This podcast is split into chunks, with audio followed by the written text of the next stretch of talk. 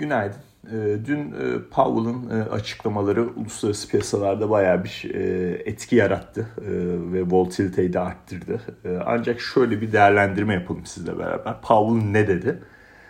Gerekli görüldüğü takdirde daha daha sert bir sıkılaştırma yapabileceğini özetliyor günün sonunda. Birçok farklı kelimeler de kullanıyor. İşte daha hızlı hareket etmeyi özetleyen. Ama günün sonunda çıkılan noktada e, bu sıkılaşmanın bir resesyona neden olacağını öngörmüyor. Yani bu tabii yap, olabilir diyor. Yani ekonomik büyümeye negatif etki edecek tabii ki bu sıkılaşma diyor.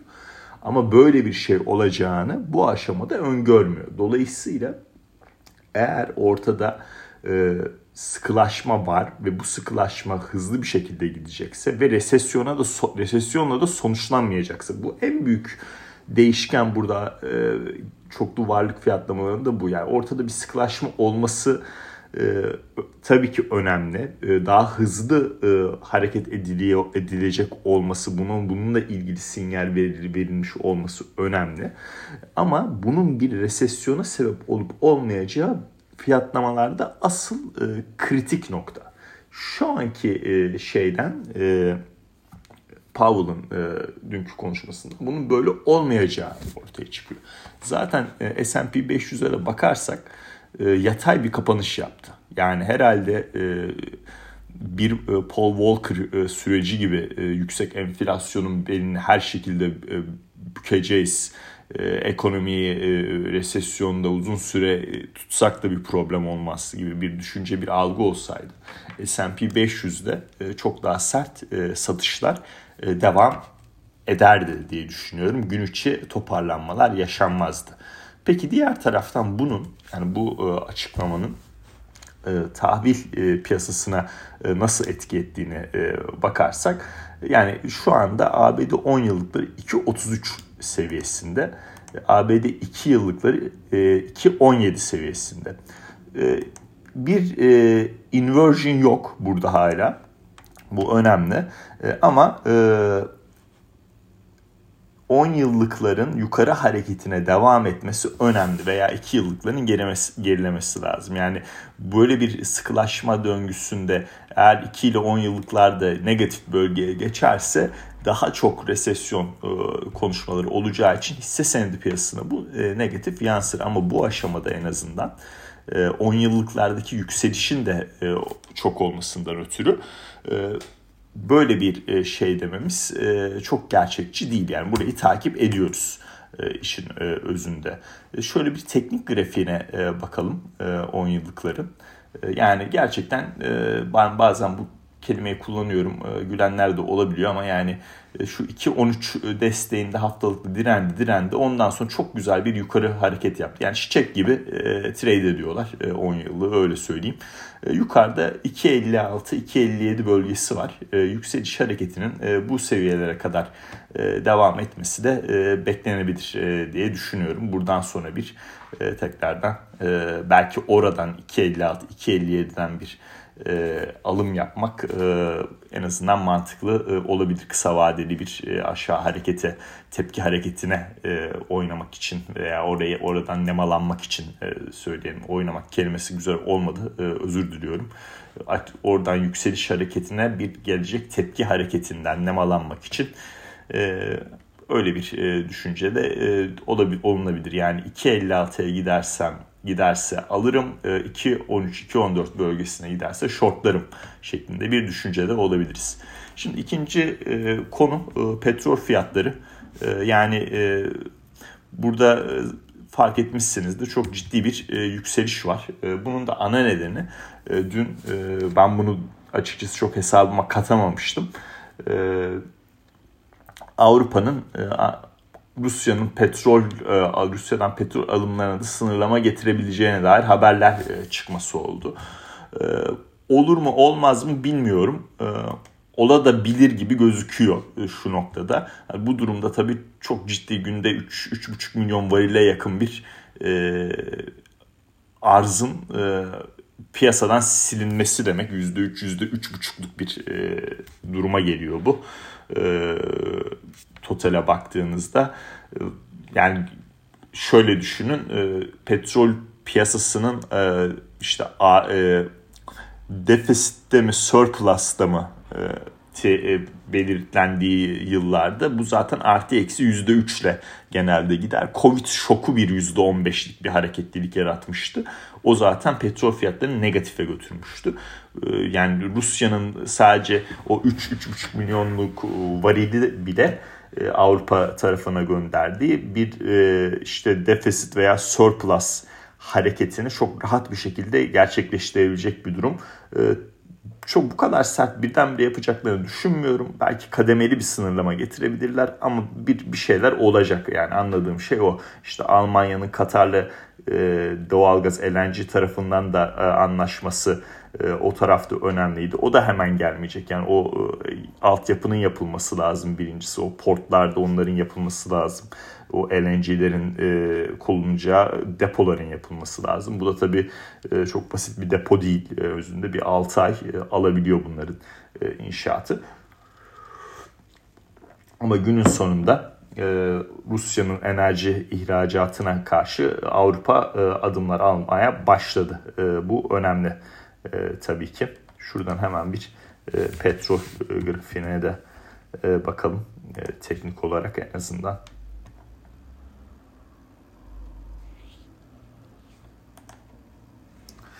Yani ben evet 90, 92, 93, 94 bandına doğru gidebileceğini düşünüyordum. E, maalesef e, hızlı bir e, Ukrayna-Rusya olayı çözümlenmedi. Avrupa daha sert e, tepkiler alıyor. Şu anda 114'teyiz. E, izleyeceğiz bunu. E, yani yukarı harekette de ben açıkçası çok e, temkinli oluyorum. E, yani 116 seviyeleri WTI'da direnç olabilir. İzleyeceğiz. Ne kadar nasıl bir e, yaptırım gelecek e, onu anlamaya çalışacağız detaylarını. Çünkü yani artık gerçekten inanılmaz bir grafik var ya. Yani bunda bir noktaya gelmesi lazım. E, eğer Rusya tamamıyla çıkarsa tabii e, denklemden e, maalesef hareketin e, yükseliş boyutu e, tekrardan bir önceki zirveyi e, zorlayacaktır diye düşünüyorum. Bu savaş zamanı oldu, zam, olduktan sonra hala da devam eden savaştan ötürü. Ama bakalım neler olacak, neler gösterecek e, günler bize. E, üçüncü tarafta zaten savaşın kendisi yani Ukrayna e, tarafı direnmeye devam ediyor. Mariupol kentinde teslim etmedi. O da tabii global algıyı bir miktar negatif etkiledi. Ama bu bugünden itibaren birçok şey de olacak. İşte e, politik e, görüşmeler de olacak. Biliyorsunuz bu hafta NATO e, zirvesi var. E, acil durum zirvesi var. Avrupa Birliği konu görüşü G7 yani işte büyük ekonomiler e, toparlanıyor, e, toplanıyor işte ne yapılacak, ne edilecek vesaire diye. Dolayısıyla e, birçok farklı e, değişken de var. Şu anda e, şeye bakarken terminalde e, Asya'nın e, biraz iyi olduğunu görüyorum. İyi trade ettiğini görüyorum. Şöyle bakıyorum mesela Hang Seng, Nikkei falan bunlar e, iyi yani Japonya tarafı iyi. O muhtemelen e, USD JP'yi bir açalım. USD JP 120'nin üzerine çıkmış. Onun hareketi o yüzden geliyor. Yendeki değer kaybından geliyor orada da yani çok büyük bir ters hareket olacak ilerleyen zamanlarda ama şimdilik bir şey demiyorum. E, izliyoruz orayı. E, bu yani Asya'daki pozitif e, havanın bir e, hızlıca bir nedenine bakalım. Şuradan Energy Markets yazalım bir.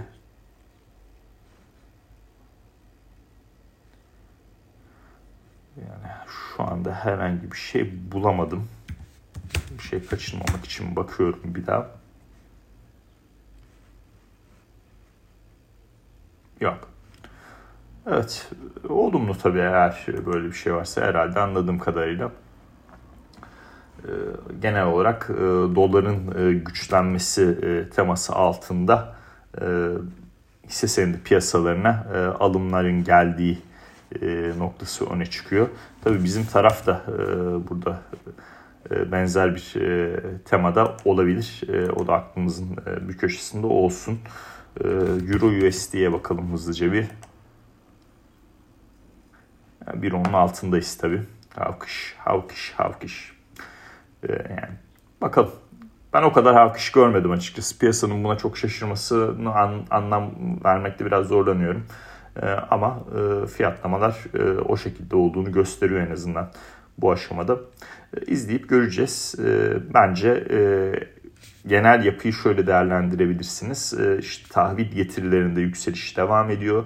Hisse senedi piyasaları resesyon olmayacağı için şu aşamada, aşamada onun sinyali verilmediği için ya da öyle söyleyeyim. E, sınırlı hareketine e, hareketine devam ediyor.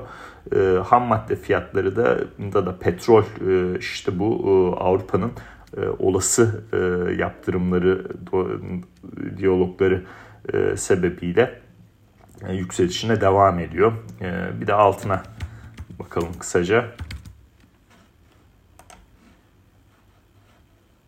1935 seviyesinde mesela çok daha şahin bir FED'de bunun daha fazla satış yemesini ben açıkçası beklerdim. E, olmuyor. E, demek ki e, ya altın e, resesyon olacak beni aşağıdan toplayın diyor ya e, Rusya-Ukrayna süreci çözülmediği için hala bir miktar e, bu noktalarda devam ediyor. E, ya da burada yanlış bir fiyattan var özünde. Üç tane sebep olabilir. E, aynı resesyon tarafına çok e, bu aşamada inanmadığımdan ötürü Rusya-Ukrayna olayının da bir noktada çözüleceğine inandığımdan ötürü burada aşağı yönlü bir hareketin devamlılığı beklenebilir diye düşünüyorum. Son olarak Bitcoin ile sonlandıralım. Vay be 42.860 güzel bu hareket çok iyi. Bu beni sevindirdi. Ee, güzel 50 e, günlük ortalamanın da üzerine çıktık. Ee, şahane ee, artık 48 bin e, işte 48 bin 450 bin bandına doğru bir hareket olacak gibi gözüküyor en azından teknik açıdan. Enteresan olan nokta madem e, Bitcoin Nasdaq'ta bu kadar paraleldi e, o kadar e, hawkish bir FED e, bunu e, nasıl düşüremez?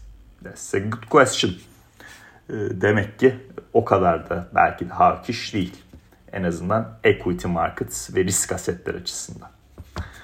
Dinlediğiniz için teşekkürler. E, kapatmadan önce son olarak ekonomik verilerde de bugün e, neler var neler yok. E, şöyle abiyle tarafından önemli bir ekonomik veri yok e, ama konuşan e, FED başkanları var mı? Tabii ki var. Ee, Williams konuşacak bu sıkıntı. Yani Williams çünkü en şahin e, pardon özür diliyorum Williams değildi. E, özür diliyorum yanlış söyledim. Bullard'dan bahsediyorum. Williams'ın e, konuşması çok büyük bir sıkıntı değil e, arkadaşlar. E, bu BIS'in e, konferansında konuşacak. Merkez Bankalarının Merkez Bankası diye düşünebilirsiniz. Dale konuşacak.